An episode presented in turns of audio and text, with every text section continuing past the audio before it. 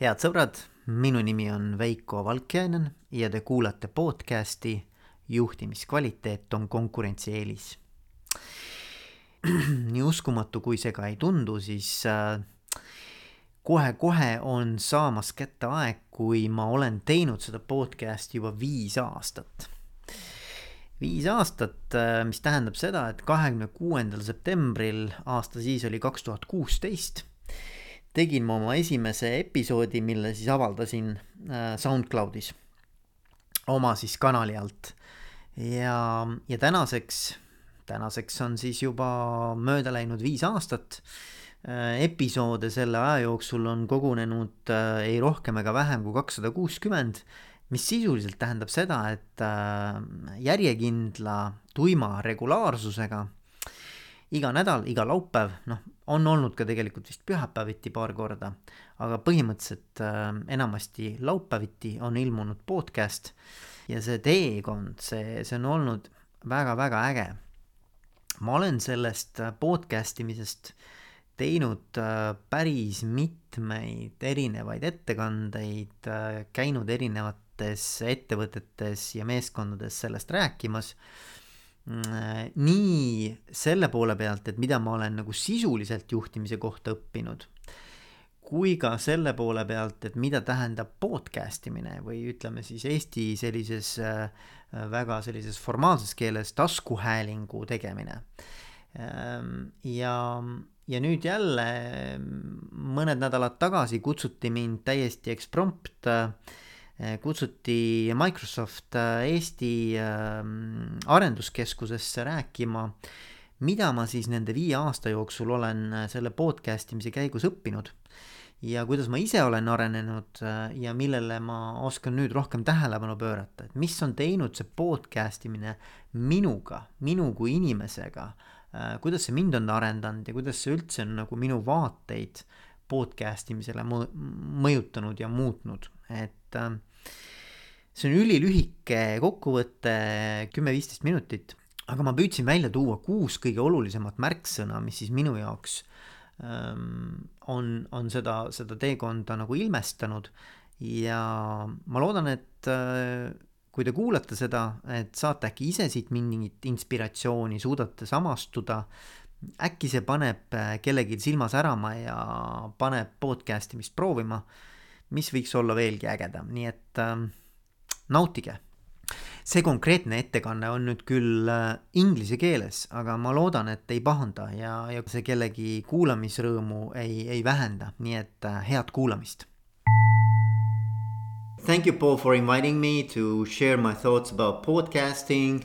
Um, obviously, 15 minutes is nothing. Um, I could talk for hours, maybe for days about this. Um, but I jotted down like six ideas which I would like to um, share with you guys.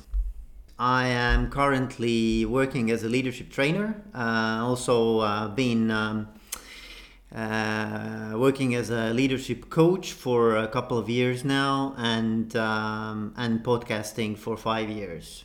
Um, and my background is in psychology. Also, I've trained in psychotherapy and uh, obviously in coaching as well. And this is a picture where all of uh, my podcast guests are um, are visible. So I always uh, take a selfie with my uh, guests. So there's over, I guess, over 250 pictures here. um, so I've, I've learned how to take selfies as well. So you definitely learn that skill. Um, and sometimes taking pictures is more difficult than, uh, than having a podcast episode with someone. All right, so the first idea I wanted to share with you guys is um, when you start to um, start to uh, have a podcast uh, you you kind of you think about different topics and themes and and think if, if you're up to it and uh, so on i would say that the most important aspect is how passionate you are about the subject matter so you really need to care personally about um, uh, the topic. And I think a good uh, litmus test for if this is your passion or not is mm, if you are having a conversation about the particular topic or theme, uh, how do you feel afterwards when you have had a, um, a discussion or, or conversation about this with someone? I mean, it doesn't have to be with a microphone in front of you or camera in front of you, but just next to someone in the social setting, if you're having a discussion about something, then how do you feel afterwards? For me personally, I always feel more energized after having the discussion, after having the podcast episode recorded than before. So for me, it's like a good, good kind of signal or indication that uh, this is something that um, that I'm really uh, passionate about. I would do it even if no one would listen to it, probably. So this is the first first idea I wanted to share. The second idea is curiosity, and um, by curiosity I mean. when I started podcasting, I made a lot of preparation before each conversation. I really looked up all the articles, interviews, anything I could find about the, um, the guest. And I uh, listed all the questions I wanted to go through, and I had this idea in my head how the whole conversation would go. But about 10, 20 podcasts into it, I understood that actually more important than being prepared um, and having a very clear picture of how the whole conversation will go is to actually uh, let yourself lead by the guest or whatever is important for the guest is in the forefront. And you just follow uh, and try to help the person to explain and um, reveal uh, what's important to him or her so it's about real like very genuine deep curiosity. What is about this particular subject that um, is important and, and worthwhile for the for the guest? So curiosity i would say is, is really important. Um, then personal stories. I've had a lot of guests who would say to me that, "Hey, Veiko, I've I've looked through all of your uh, podcast, and I, I'm not sure if I have anything valuable to add. Everything has already been said, what I would say, and so on.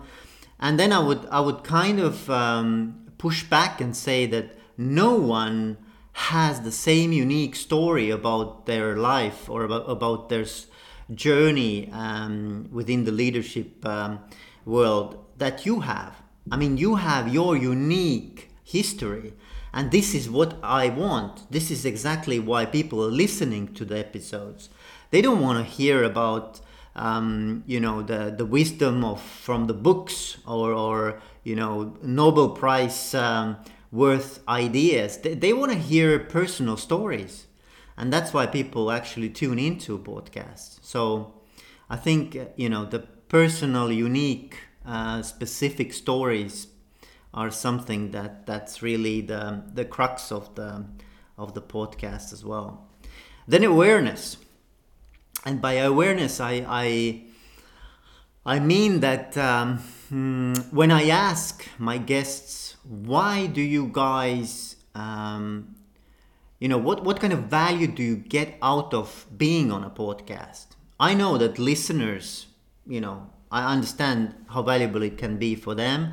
I understand this is for me also a really interesting and valuable conversation. But what do you get as a guest on a podcast out of it? And um, the, the, the answer has been usually that um, uh, those people who come on a podcast to talk about their leadership journey they are gonna talk with me about things that they already obviously have been thinking about, have been experiencing. Um, but what they say is that when they have to put those things, those thoughts into words, somehow, you know, vocalize them, get them out of them in a coherent and structured manner, it somehow raises their awareness as well about, you know, the same topics, uh, leadership topics, and they get more self-aware. So I think awareness is something that that really is. Um, it's like a, a, kind of a coaching session for for guests as well. Um, so I would emphasize awareness here. Imperfection. I love that. I, lo- I love imperfection, and I think podcasts can be characterized um, as imperfect, and that's exactly why I love them.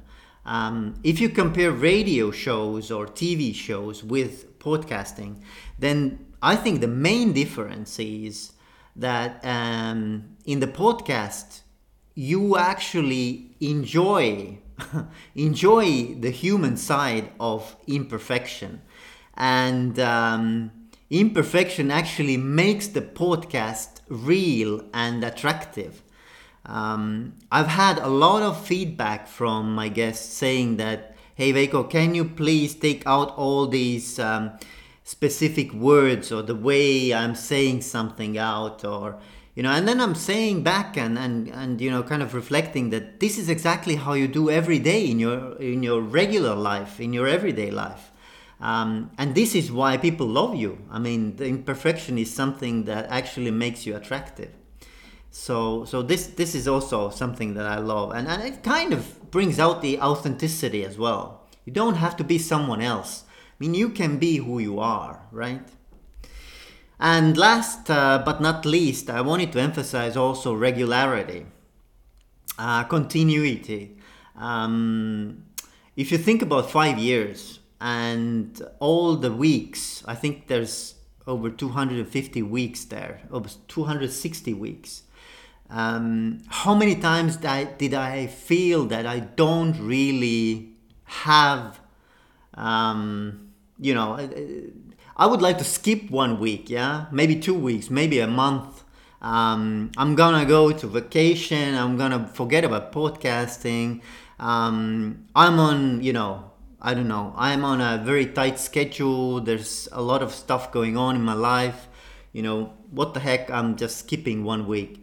But um, at the end of the day, I, have I've understood that it's almost like with the exercise. You know, it's so easy to skip one exercise and then start telling yourself that um, this is something that you can do regularly.